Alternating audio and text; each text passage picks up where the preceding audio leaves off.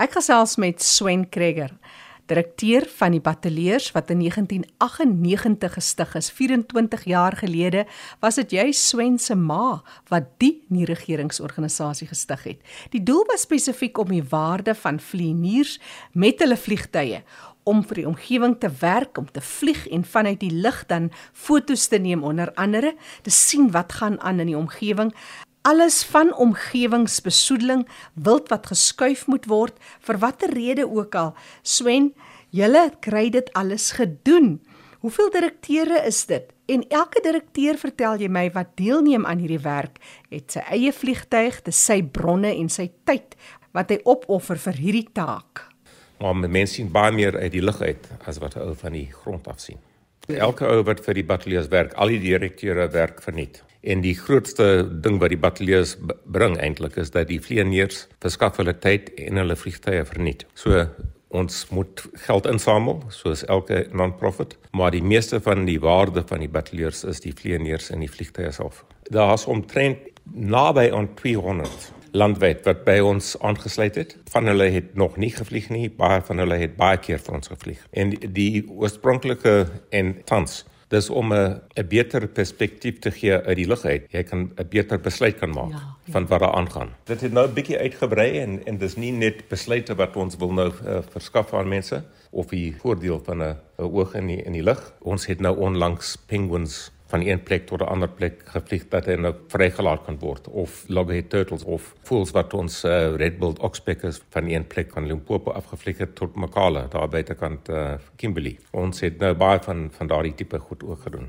En as jy dit nou vrywillig doen, dit bly maar 'n duur operasie vir die mense self om byvoorbeeld die voeltjies en die renostervoeltjies wat jy nou mm. na verwys. Mm. Dan is dit maar 'n groot operasie. Wat is die prosesse? So Die proses is dat iemand of mense of organisasies as hulle van ons weet en hulle weet wat ons kan verskaf, dan kom hulle in kontak met ons. Hulle kan van die webwerf 'n applikasievorm uitvul of hulle kan bel vir een of iemand van ons. Die telefoonnommer is ook op die webwerf. Mm -hmm. En uh, hulle sê ons wil nou die renostervoels vat van hier na ons sê hoeveel wat is die tyd van die rit wat hulle kan uh, that they can manage. Is daar kuste nodig? Is daar bokse ja, nodig? Ja, wat is dit? Dan die mense wat wat nou die aanvraag doen of wat wat gevra het vir dit. Mm. Hulle sal gewoonlik al daardie goed, hulle sê wat dit is, maar hulle verskaf dit by die langdingstrook. Die vlieënier kom met sy vliegtuig, laai op, vlieg so intoe, laai af. Ja, oor die jare, hoe lank doen jy nou al hierdie werk? 98. My ma het dit jo. gestig. Dis 24 jaar al. Ja, dis 'n mooi tyd. Hmm. Wat is vir jou besonder? Het jy so eene? Oef, daar's so baie. Daar's seker baie net amper onregverdig om jou te vra. In die vroeë dae het het 'n uh, vlieënier van hier af na Tsavo toe uh, gevlieg om te gaan help met olifante tel. Ons het uh, destyds carte blanche het hierdie ding doen. Ons het sewe microlights na Tembe Elephant Park in Mozambique gestuur. Waar hulle ons hulle eie landingsvloot mo moes uitkap en maak hulle sewe microlights in 'n ry gehad wat nou die olifante gaan gaan ja. gaan tel dit. So dis een van die stories. Praat nou van jou ma. Dis seker waar jou hele liefde vir die natuur vandaan gekom het. Sy het ook baanbrekers werk gedoen in haar wêreld. Ja, sy was ook 'n trustee van die Wilderness Leadership School gewees as uh, ek en my suster groot geword het. Ons het omtrent glad nie by die see uitgekom nie. Dis hoe hoekom Benedict self vir my sê ek weet niks van visvang nie. maar ons het altyd in die bos gegaan, Kruger Park of Namibia Tuitosho of Hwangian of Gorongosa. Ons het altyd rondgery in die game parks altyd. Dit was ons lewe gewees eintlik as ons groot geword het en dit was hulle albei, my ma en my pa. Miskien my ma meer as mm. as my pa. Maar jy sê nou sy het dit begin. Hoekom ja. en wat het daar gebeur?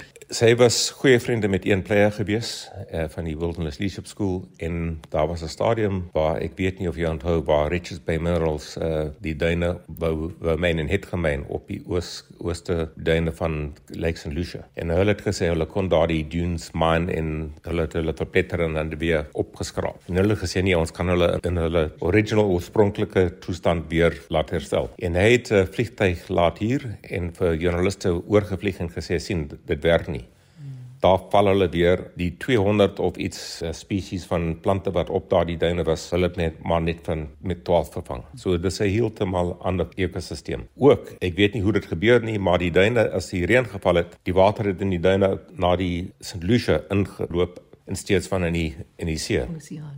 In die oseaan toe. Nou hulle dit alles gestuur ook. So dit was die ding en sy het ook 'n vriend gehad en hy hy leef nog in Alaska in Amerika en hulle het ook 'n Lighthawk is dit genoem daarso.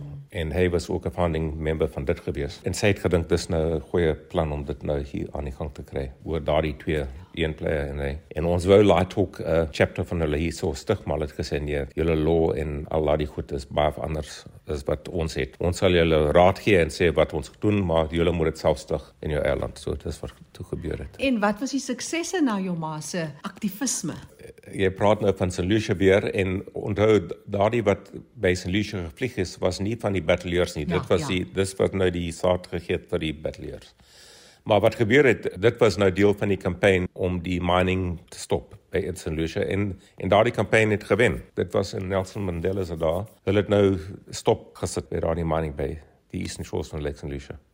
Maar dit was seker 'n mooi storie, 'n suksesstorie die uiteinde. Ja, uiteindelik ja. Ek, ek bedoel in die eerste in die eerste paar jare het ons omtrent 4 of 5 missions gevlieg. Daar was 'n stadium wat ons 72 gevlieg het. Ons is nou weer op pad so ons doen baie anti-poaching werk ook. Mm. So daar's nie dis 'n mission maar jy kan baie keer vir 'n mission vlieg in 'n jaar. So ons sal maar sien wat uh, mense of hulle sê gereeld wat is julle doel wat wil julle bereik wat wil mm. wat is julle eindpunt en ons sê hoe, hoe meer ons kan vlieg hoe beter dis ons doel hoe meer dis soos nie net die loods en hulle vliegtye nie mm. ons het ook mense nodig wat ons dienste vra so ons wil daardie woord ook versprei soek vir ons jy het so kon uit as ja. en dit as jy nou wil hê ons moet vlieg dit moet deur 'n proses gaan 'n goedkeuringsproses tussen die direkteure as ons hom goedkeur dan is dit is dit baie min wat ons dit nie reg kry ja. om dit uit te voer. En ja. en jy het nou nog gepraat van julle webtuiste. Gee dit sommer vir ons so 'n bietjie dat ons so kon gee. www.batteliers mm. b a t e l e u r s.org. Mm -hmm daar was een keer een van ons direkteure, my ma was het nog gelewe, daar was 'n 'n cheetah wyfie wat vier welpies gehad het en sy het gejag en sy het vas in 'n in 'n stokkie pasgeloop en sy was oorlede gewees van daardie ding mm. en hy het gevlieg daardie oggend om hulle te gaan haal en terug te bring. So ons doen ons doen dit ook. Ons het nou onlangs 2 weke gelede, 3 weke gelede ehm um, het ons 'n klein renoster van uh, Limpopo gevat af orphanage toe in Hoedspruit. Ons het baie van dit ook gedoen. Mm. Dis van light sport aircraft, microlights, helikopters. Ons het op 'n stadium ook uh, Namibian Airlines hulle het ook help om vultures van Suid-Afrika na Namibië toe te vlieg. Uh, so dit kan in groot vliegtye oorgaan, maar ja. meestal van die kleiner. Ja. Dis eintlik so wonderlik om mense te vertel van julle. Dankie dat jy met met ons deel. So dis www.batteliers.org. Dis hy.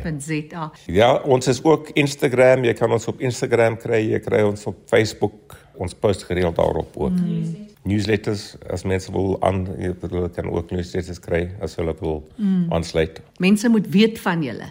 So maak kontak.